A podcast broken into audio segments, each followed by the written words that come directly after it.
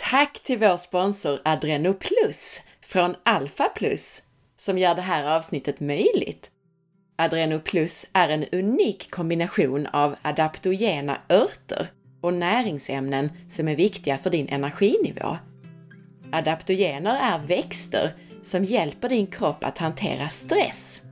Adrenoplus innehåller bland annat ryskrot, cordyceps och ashwagandha. Och dessutom näringsämnen som du förbrukar mer av vid stress.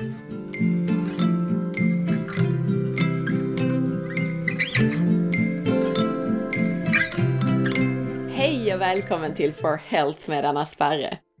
Idag ska vi prata huden, hudproblem och närmare bestämt fokusera på akne och hur du kan bli av med finnar. Vi kommer också att ta upp någon lyssnarfråga på ämnet. Och även du som har andra hudåkommor än just akne får tips i det här avsnittet. Vi kommer att prata både om saker du kan göra på insidan av kroppen och på utsidan. Om du gillar avsnittet så blir jag jätteglad om du vill dela med dig av det. Till exempel på Facebook, på Instagram eller till en vän. Glöm inte heller att lämna din recension på podcasten i iTunes. Titta också in på forhealth.se och läs ett blogginlägg. Eller boka mig som föreläsare till ditt företag eller event. På grund av stor efterfrågan från privatpersoner på de två dagars intensivkurser, det som jag kallar för hälsohelg, som jag anordnar för grupper, så ordnar vi nu ytterligare ett tillfälle där du kan anmäla dig utan att själv behöva dra ihop en hel grupp. Jag hade ju ett sånt öppet tillfälle i slutet av november som blev helt fulltecknat. Den här gången så blir det som vanligt hos mig på Österlen och datum är satt till den 7 till 8 april. I kursen ingår ämnen som Ät dig frisk och smal. Vad är du designad för att äta? Vad ska du äta och hur ser din optimala tallrik ut? Fettförbränna istället för att lagra. Fett och kolesterol, är det farligt? Matfusk och tillsatser, ohälsa och sjukdomar, hur undviker du det? Stress, träning, sömn, vilka faktorer påverkar din hälsa och vikt mer än kosten? Träningstips och dessutom ett kort enkelt träningspass för den som önskar. Jag ser fram emot att träffa just dig under den här intensiva och härliga roliga helgen. Anmäl dig till boka at forhealth.se eller läs mer på forhealth.se hälsohelg.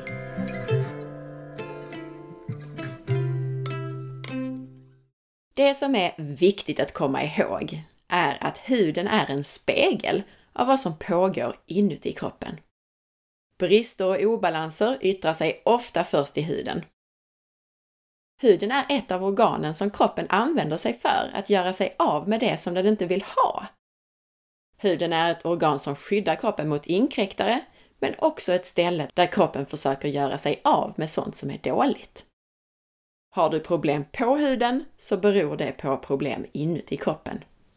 Det hjälper alltså inte att skrubba utanpå huden för att komma åt orsaken till akne, eksem och andra hudåkommor. Det viktigaste att börja säga om just akne är att akne beror inte på dålig hygien, snarare tvärtom. Alltså överdrivet tvättande med skarpa ämnen förvärrar ofta problemen. Det andra som är viktigt att säga är att det går att bli av med akne. Akne är inflammerade talgkörtlar i huden som syns som utslag. Ofta kommer akne i ansiktet, på bröstet och på ryggen där just talgkörtlarna är större än på andra delar av kroppen. Personer i alla åldrar kan få akne, men det är vanligast i tonåren det är hormonförändringarna i puberteten som gör att det bildas mer talg i talgkörtlarna. Och för de allra flesta så försvinner aknen efter puberteten, men en del får problem även i vuxen ålder. Oavsett ålder, att ha akne kan ju vara jobbigt eftersom det syns så väl och ofta hamnar i ansiktet. Den typ av akne som oftast kommer i tonåren kallas för akne vulgaris, som betyder vanlig akne. Den syns som små röda upphöjda utslag som ofta ömmar lite. Oftast så sitter akne i ansiktet, men ibland som sagt också på bröst och rygg. Och den läker för det mesta utan att lämna ärr. I puberteten så förändras hormonerna. Könshormonerna gör att det bildas mer talg i tallkörtlarna och samtidigt så ökar halten av en speciell bakterie som man har kopplat till just akne i tallkörteln. När tallkörtelns nedre del blir inflammerad så uppstår akne. Och tallkörtlarna i ansiktet, bröst och rygg är som sagt stora och därför så kommer akne oftare där. En mer besvärlig form av akne visar sig som stora och ömmande knölar eller ihåliga cystor djupt in i huden. Det här kan verkligen svullna och göra ont. Det är vanligt också att just den här typen av akne lämnar kvar ärr. Vid alla typer av akne så syns talgkörtelns igenproppade mynning som en liten svart eller vit plupp, en liten pormask. Och den svarta pricken här är ett färgpigment, inte smuts. Många kvinnor just kan fortsätta att få akne tillfälligt före och under mens, långt upp i vuxen ålder. Och en del utvecklar akne först i vuxen ålder, eller har kvar sin akne ända upp i 50-årsåldern. Sån akne kallas för akne tarda och blir allt vanligare utan att forskarna förstår varför. Kanske kan vi lista ut varför genom att prata om saker som tarmflora, inflammation och hormoner idag. Vad tror du? Det kan vara svårt att skilja vuxenakne från ett par olika hudsjukdomar som rosacea, eller rosacea som en del uttalar det, och det som kallas för perioral dermatit. Det här är också sjukdomar som jag ofta får frågor om. Perioral dermatit är en hudsjukdom som ger rodnad hud, små knottror och utslag som liknar finnar. Och de flesta får det runt munnen, men man kan även få det vid ögonen. Det drabbar ofta kvinnor i 20-30-årsåldern och min erfarenhet är att det blir värre, framförallt av stress. Och hos många så kommer det just när man precis har fått småbarn. Rosacea drabbar oftast personer som har ljus och känslig hy och det ser ut som utslag och rodnader, ofta i ansiktet. Och det här är också intressanta hudproblem, men vi ska inte fokusera helt och hållet på just det idag. Men det du ska veta är att de tips som vi pratar om mot akne även kan hjälpa mot rosacea och perioral dermatit. Man klassar rosacea som en inflammatorisk och kronisk sjukdom och därför så rekommenderar jag den som lider av det att ta det här som vi pratar om idag steget längre och testa en autoimmunkost. Lyssna gärna på avsnitt 83 och följ råden där. Men tillbaka till akne och tips som gäller för de flesta hudåkommor. Både ärftlighet, gener alltså, hormoner och livsstilsfaktorer spelar in och avgör om du får finnar eller inte. Ärftligheten kan vi inte göra så mycket åt här idag, men vi ska prata om det andra.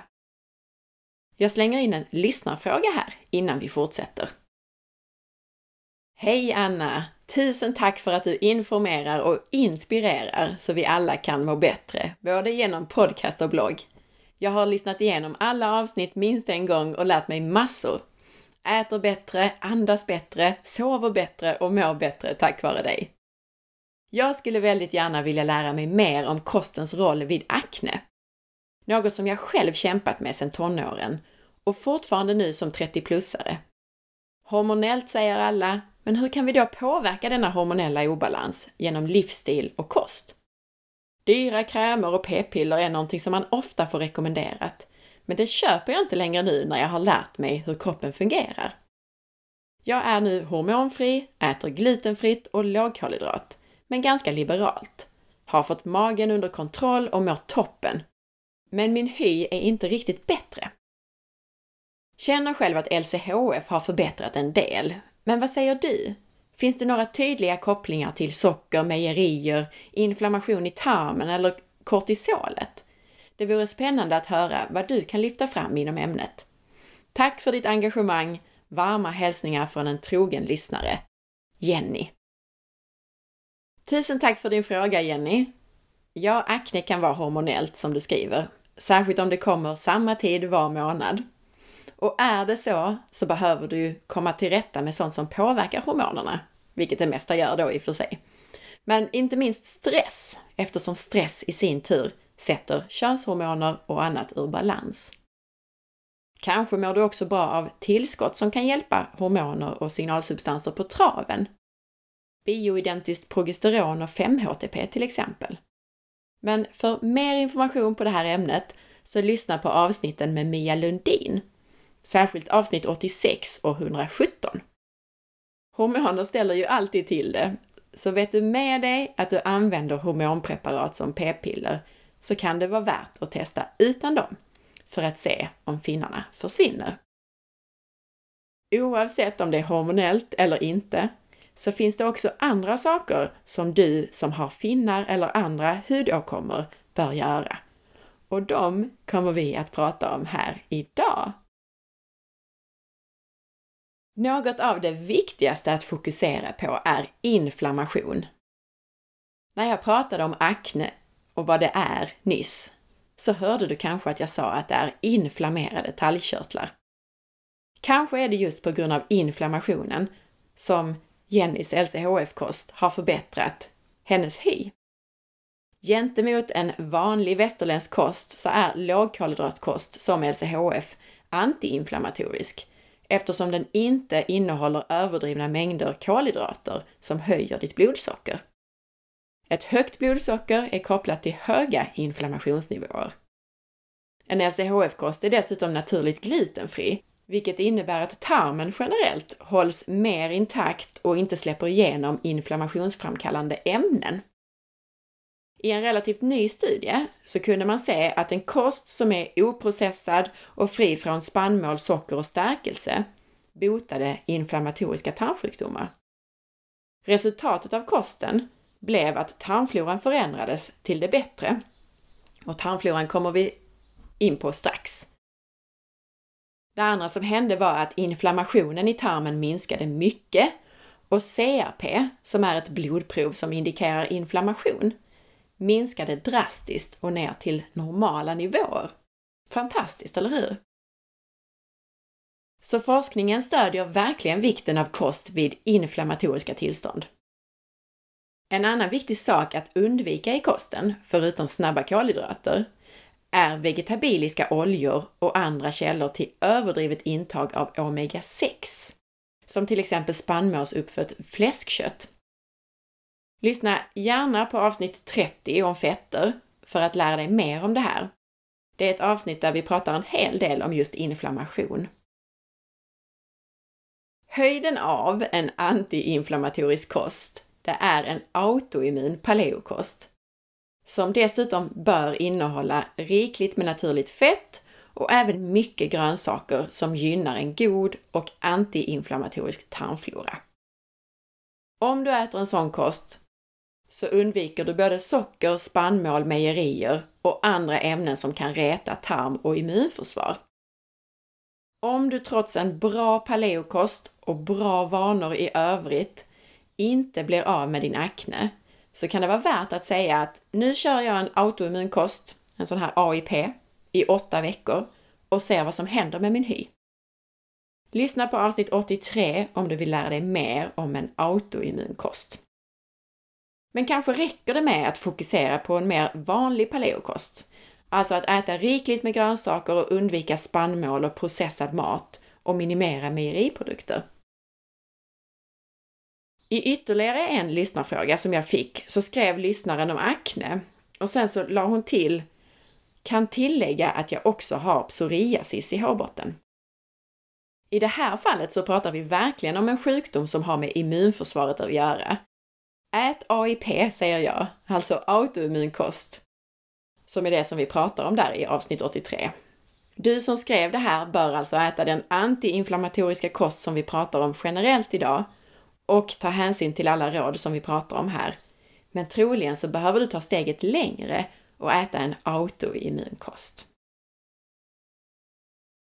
Och så nämnde jag nyss att i övrigt ha bra vanor. När jag pratar om att i övrigt ha bra vanor så gäller det bland annat vad du sätter på huden, vilket vi kommer till snart. Det gäller stress, som jag nyss nämnde, vilket påverkar hormonerna och därmed hormonell akne. Men det gäller också sömn. Studier visar att personer som sover mindre än 6 timmar per natt har betydligt högre nivåer av inflammationsmarkörer i blodet. Så att prioritera att komma i säng och sova bra kan vara helt avgörande för att undvika inflammation och därmed akne. Förutom de här grundläggande delarna av kosten, så lägg dessutom gärna till särskilt antiinflammatoriska livsmedel. Några av de mest effektiva sakerna att boosta kroppen med för att minska inflammation är ingefära och gurkmeja. Här pratar vi livsmedel som är välstuderade och forskade på och som ger samma effekt som starka antiinflammatoriska läkemedel, men biverkningsfritt. Om du inte vet hur du ska använda gurkmeja och ingefära så finns det ett blogginlägg från början av januari med recept på det som kallas för guldmjölk och andra antiinflammatoriska recept. Det här är det hittills mest populära blogginlägget på forhealth.se i år, så in och läs det. Och sen så gäller det då att förutom de här stora inflammationsframkallarna i kosten, som socker, mjöl och dåliga fetter, att undvika andra inflammationsframkallande ämnen som man kanske inte tänker på. Emulgeringsmedel till exempel har man sett i studier påverkar tarmen och ökar inflammation. Och apropå det här med tarmen. Här handlar det både om att ha en intakt och hel tarm som inte skadas av dålig mat, men det handlar också om att ha en bra tarmflora. En bra tarmflora dämpar inflammation genom att goda bakterier producerar antiinflammatoriska ämnen. Kortkedjade fettsyror som butyrat är starkt antiinflammatoriska. En dålig tarmflora och infektioner av parasiter, svamp och patogena bakterier kan däremot ha motsatt effekt och vara inflammationsframkallande. Och flera av de klienter som jag har jobbat med, med och tittat på tarmfloran och gjort tester, när de behandlar sin tarmflora så blir också huden finare. De blir av med utslag, eksem och så vidare. I avsnitt 128 så pratar vi om hur du förbättrar din tarmflora om du redan nu är på en relativt hög nivå när det gäller att äta en hälsosam kost. Men börja gärna med de mer grundläggande avsnitten om tarmhälsa, avsnitt 44, 46 och 51. Tarmfloran och tarmen är verkligen där du bör börja för att förbättra din hälsa och inte minst din hud. Har du stora problem med huden, trots att du gör allting rätt med kost och andra livsstilsfaktorer, så skulle jag råda dig att göra ett avföringsprov som analyserar tarmfloran. Kanske är det någonting som behöver behandlas.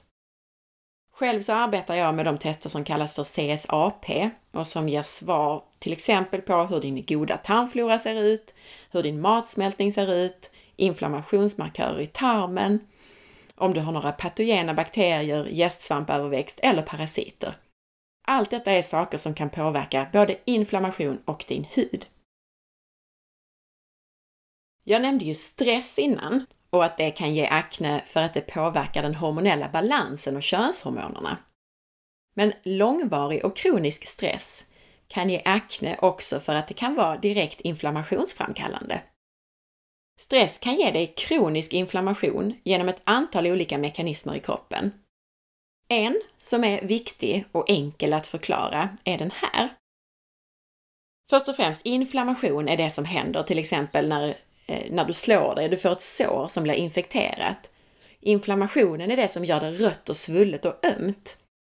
Inflammation är en mekanism som gör att kroppen pumpar vätska fullt med bra ämnen från immunförsvaret som ska hjälpa till att läka problemet eller såret, pumpar dit det så att säga. Kortisol, det är ett stresshormon som kroppen utsöndrar för att upprätthålla balans när den utsätts för olika påfrestningar. En av många roller som kortisolet har, det är att dämpa inflammation när inflammationen inte behövs längre. När kroppen har bekämpat det som ska bekämpas och tycker att såret börjar läka, så gör kortisolet helt enkelt att inflammationen dämpas igen. Bra, eller hur? Problemet som uppstår vid konstant stress är någonting som kallas för kortisolresistens. Och det innebär att om kroppen hela tiden har förhöjda nivåer av stresshormoner, till exempel för att du alltid stressar runt, då blir den till slut mindre känslig och reagerar allt sämre på kortisol. Det betyder att kortisolet det förlorar sin funktion till viss del. Stressar du mycket och är kortisolresistent så funkar då inte heller inflammationsdämpningen av kortisol som den ska.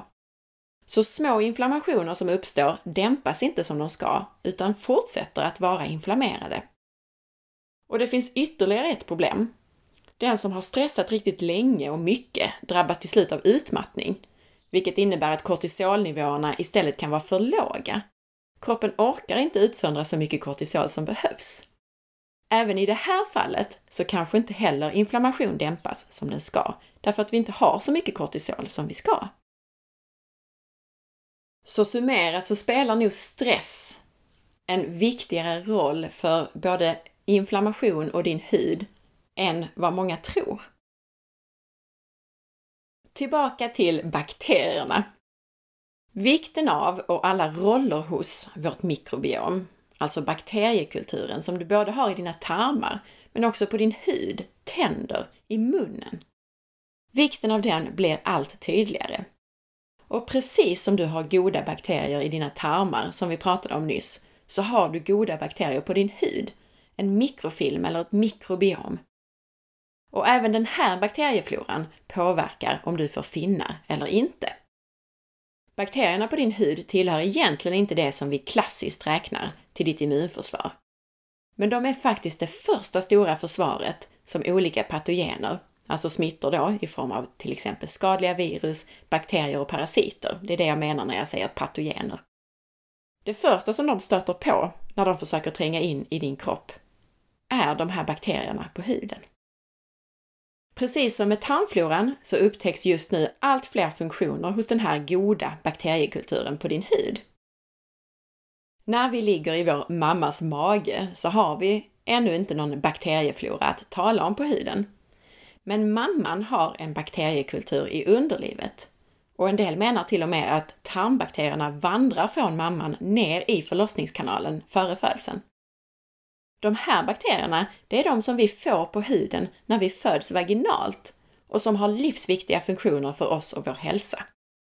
Dessutom så sväljer bebisen en del av de här bakterierna under förlossningen och det är det som lägger grunden till tarmfloran.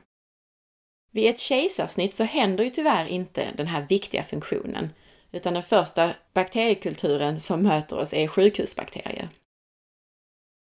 Där har man sett att det är signifikant skillnad i bakteriefloran, både på hud och i mage, hos ett barn som fötts vaginalt jämfört med ett barn som har fötts med kejsarsnitt. Och kejsarsnitt ökar risken för bland annat allergi, astma och diabetes. Och min gissning är att det även ökar risken för akne. Med det sagt så är ju såklart kejsarsnitt helt fantastiskt i det fall de verkligen behövs. Magbakterier från mamman kommer även via bröstmjölken och dessutom så innehåller bröstmjölken enormt specialiserad tarmfloramat, prebiotika, i form av särskilda sockerarter som inte bryts ner och används som energi av barnet utan som blir bakteriemat för att skapa den nya tarmfloran hos barnet. Ett gott tecken på hälsa, det är att vi har en stor artrikedom i vår bakteriekultur Olika arter balanserar varandra och i en frisk tarm och på en frisk hud så tar inte någon art över och kan dominera. Men mediciner som till exempel antibiotika, överdriven hygien, att inte bli ammad och att födas med kejsarsnitt minskar den här artrikedomen. Det här är alltså saker som kan påverka om du får akne eller inte. Ny forskning visar dessutom att en av de vanligaste hudbakterierna, utsöndrar ett protein som är ett lika effektivt skydd mot oxidativ stress som de kända antioxidanterna C och E-vitamin. Och oxidativ stress är ju verkligen någonting som kan skada huden. Och det är en bakterie som kallas för Propionibacterium acnes. Och den producerar stora mängder av det här antioxidantproteinet eftersom den själv behöver skydda sig mot syre. Oxidativ stress anses alltså bidra till olika typer av hudsjukdomar och hudbesvär. Man har sett hos patienter med psoriasis till exempel att de har en mycket lägre andel av just den här bakterien, Propionibacterium acnes, på huden. Framför allt på de ställen där de är påverkade av sin psoriasis. Eftersom akne uppkommer av hormonella obalanser, bakterieflora ur balans eller dålig kost och inte av dålig hygien, så är det viktigt att inte göra felet att använda starka produkter med mycket kemikalier på huden. För mycket tvättande kan verkligen ställa till det för din hud. Bland annat genom att det skadar den viktiga bakteriefloran på huden, som vi just pratade om, men också för att det förstör hudens feta, viktiga barriär. Använd inga tvålar och annat uttorkande i ansiktet, utan rengör istället med kokosolja, ricinolja eller arganolja till exempel, och sen varmt vatten. Funkar hur bra som helst och är väldigt skonsamt och nyttigt för huden. Jag har bland annat skrivit om på forhealth.se om just fyra värstingar i din hudkräm som jag kallade det och som kan vara värda att tänka på att undvika. För i innehållsförteckningen på din hudkräm så ser du många långa konstiga ord och bakom de namnen så kan det gömma sig riktigt dåliga ämnen som kan störa hormonerna, ge allergier, kontaktallergi och förstöra miljön. Och fyra områden på riktigt dåliga ämnen att sätta på din kropp och som alla är tillåtna ämnen att använda, tyvärr. De skrev jag om då i det här inlägget. Och vill man då fortsätta att använda köpta hudkrämer så får man själv lägga de här namnen på minnet eller välja miljömärkt. Det hjälper lite grann. Men som sagt, ännu hellre hoppa över hudkrämerna helt och hållet. De här fyra som jag skrev om, jag ska bara summera dem, det står mer detaljer och namn i det här inlägget. Men det första är de som stör våra hormoner, hormonstörarna. I hudkrämen så kan det finnas ämnen som stör kroppens hormonsystem. Hormonerna styr allt, så mycket kan gå snett. Men de påverkar som sagt också akne. Och det finns inga lagar som begränsar ett antal av de här hormonstörande ämnena som kan finnas i din hudkräm. Det kan också finnas i schampo, balsam, deodorant och rakgel eller rakskum, i hårvax, solkräm och smink. Så sök efter inlägget Fyra värstingar på forhealth.se så hittar du vilka ämnen som det här är. Det andra området jag skrev om där är plastpartiklarna. Det är alltså små, små plastbitar, mikroplaster, som läggs i produkter för sin skrubbande effekt eller som utfyllnad och för att ge konsistens och de hittas i hudkrämer, i peeling, i solkräm, tandkräm och smink. Det tredje området som jag skrev om är PFAS, som det förkortas, alltså högfluorerade ämnen. En stor grupp ämnen som är skapade i labb för att motstå smuts, fett och vatten och de används därför i allt från pizzakartonger till smink. Men bara ett par av de här ämnena är begränsade i lagen. Och de här ämnena kan hittas i vanliga hudkrämer, rakgel, foundation till exempel. Det fjärde området att undvika är allergiframkallande ämnen. För allergier kan ju ofta visa sig på huden som eksem, utslag och knottror. Och det är ofta parfymämnen i hudkrämer som är orsaken till allergier. Enligt lag så ska de 26 värsta doftämnena skrivas ut på flaskan. Men det finns alltså också ämnen som inte skrivs ut. Och dessutom så kan konserveringsmedel vara allergiframkallande. Och de här ämnena hittas ju då i alla typer av hygien och sminkprodukter eftersom det mesta är parfymerat. Försök istället dig på någon slags naturlig hud och hårvård. Och jag har skrivit mycket om det här på forhealth.se. Om du använder taggen hud och hår så hittar du det. Och jag gjorde även ett podcastavsnitt och det är avsnitt 22 som handlar om just naturlig hud och hårvård. Men en sak måste jag poängtera här och nu, om du nu ger dig på naturlig hud och hårvård efter det här avsnittet. För att det ska funka, för att naturlig hårvård ska funka, Vare sig man väljer helt naturligt och tvättar till exempel med ägg eller bikarbonat eller något annat hemgjort från skafferiet. Eller om man väljer det här som kallas för balsammetoden. Eller om man köper mildare och snällare schampon. Det man måste börja med att göra är att få bort de icke vattenlösliga ämnena man har i håret. Jag har märkt att det här är någonting som man ofta missar och sen så ger man upp sin naturliga hår och hudvård för att håret blev tungt och livlöst och fett av att det är kvar en massa gamla silikoner och annat som inte är vattenlösligt i håret. Många hårprodukter just innehåller silikoner och en del andra sådana här icke vattenlösliga ämnen. De flesta balsam gör det till exempel, många schampon också. Och när du då börjar med naturlig hårvård så måste du få bort de här ämnena eftersom de snälla produkterna inte får bort dem. Annars kommer de som sagt att ligga som en hinna som gör håret tungt och livlöst. Så det du måste göra är det som kallas för en sista tvätt med ett schampo som är fritt från silikoner och mineraler men som innehåller sulfater. Och sulfater är ett ämne som du vill undvika med naturlig hårvård.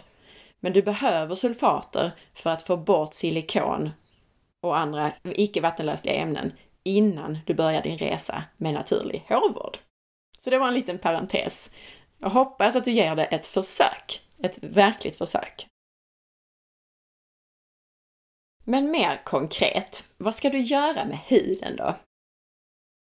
Akne har, som jag redan har sagt, det har ingenting med oren hy att göra. Och därför så hjälper det inte att tvätta sig extra mycket. Ju naturligare produkter du använder för din hy, desto bättre. Förstör inte hudens egna skydd med starka tvålar. Då reagerar huden med att försöka skydda sig och producera ännu mer fett.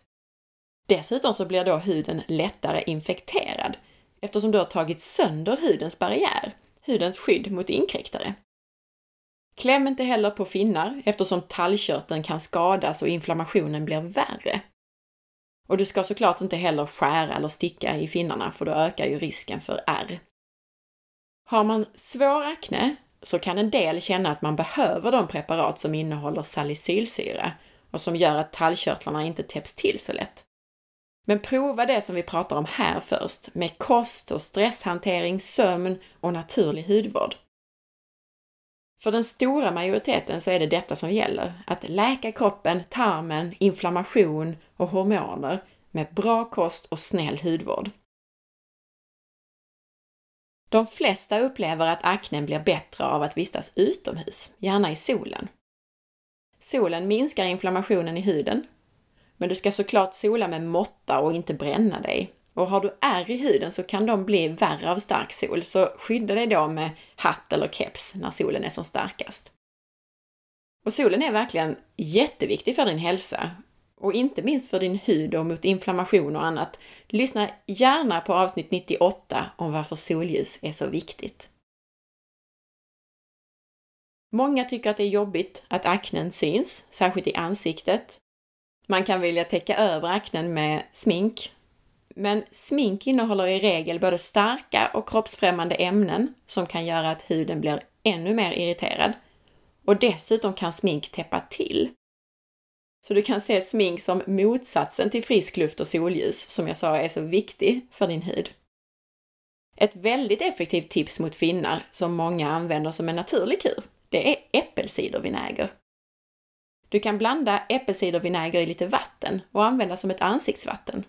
Det är toppen och det är helt naturligt. Äppelcidervinäger kan både ta död på skadliga bakterier och virus och främja vår egen bakterieflora. Man brukar prata om äppelcidervinäger som en slags naturlig probiotika och den innehåller dessutom en massa bra enzymer. Och precis som att du kan använda antiinflammatoriska ämnen som gurkmeja och ingefära på insidan av kroppen, så kan du använda ren aloe vera på utsidan.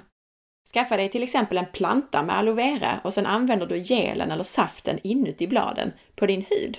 Väldigt effektivt. Jag vill avsluta dagens avsnitt med några mer specifika råd om hur du äter för din hud. Några ytterligare råd, förutom det vi redan har pratat om. Tidigare i det här avsnittet så pratade jag ju mest om vad du ska undvika. Jag nämnde i och för sig gurkmeja och ingefära som är riktiga höjdare att äta.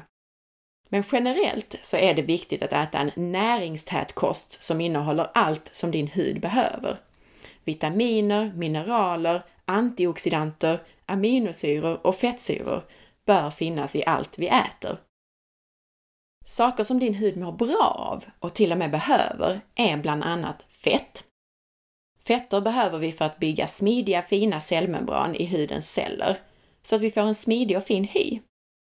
Och när det gäller fett så kan det vara särskilt viktigt att få i sig tillräckligt med omega-3 för att undvika inflammation och problem som akne.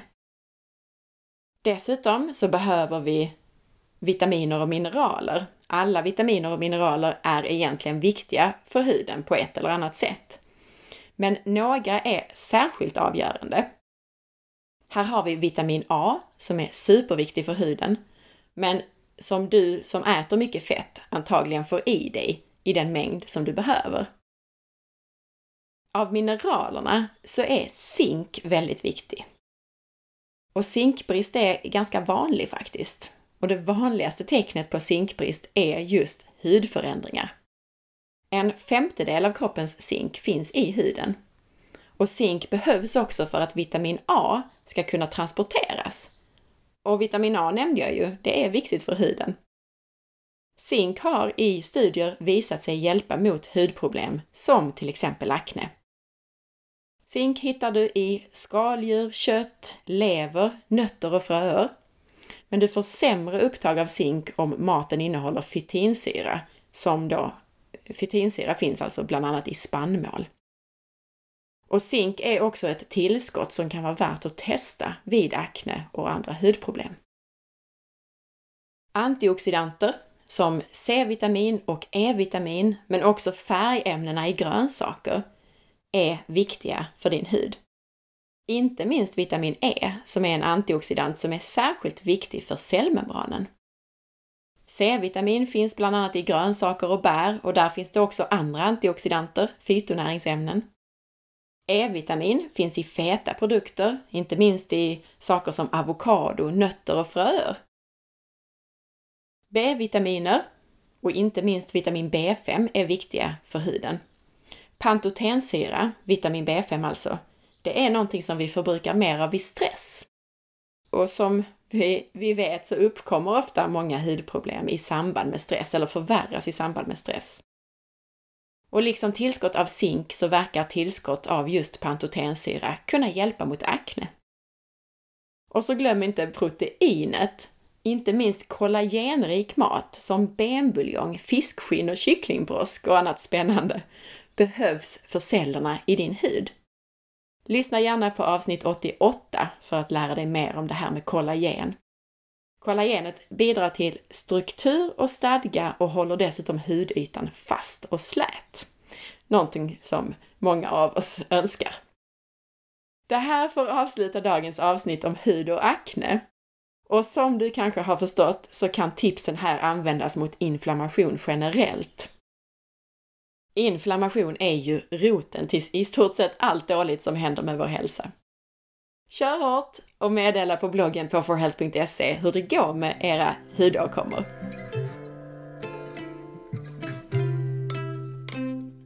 Tack för att du lyssnade! Jag hoppas att du gillade avsnittet. Gjorde du det, så dela med dig av det här avsnittet. Dela avsnittsinformationen på facebook.com forhealth.se och tipsa en vän. Gör gärna också som Pop 2017 som har lämnat sin recension i iTunes och skriver Wow! Bästa podcasten jag hittat! Lyssnar och lär mig om kroppen och hur man kan ta hand om den på bästa sätt. Tack Anna för det jobb du lägger ner för att sprida kunskap. Tack snälla och tack alla andra som lämnat era recensioner. Det är helt avgörande för poddens överlevnad. Missa inte heller att följa med på Instagram via signaturen asparre. Ha nu en härlig dag så hörs vi snart igen. Hejdå!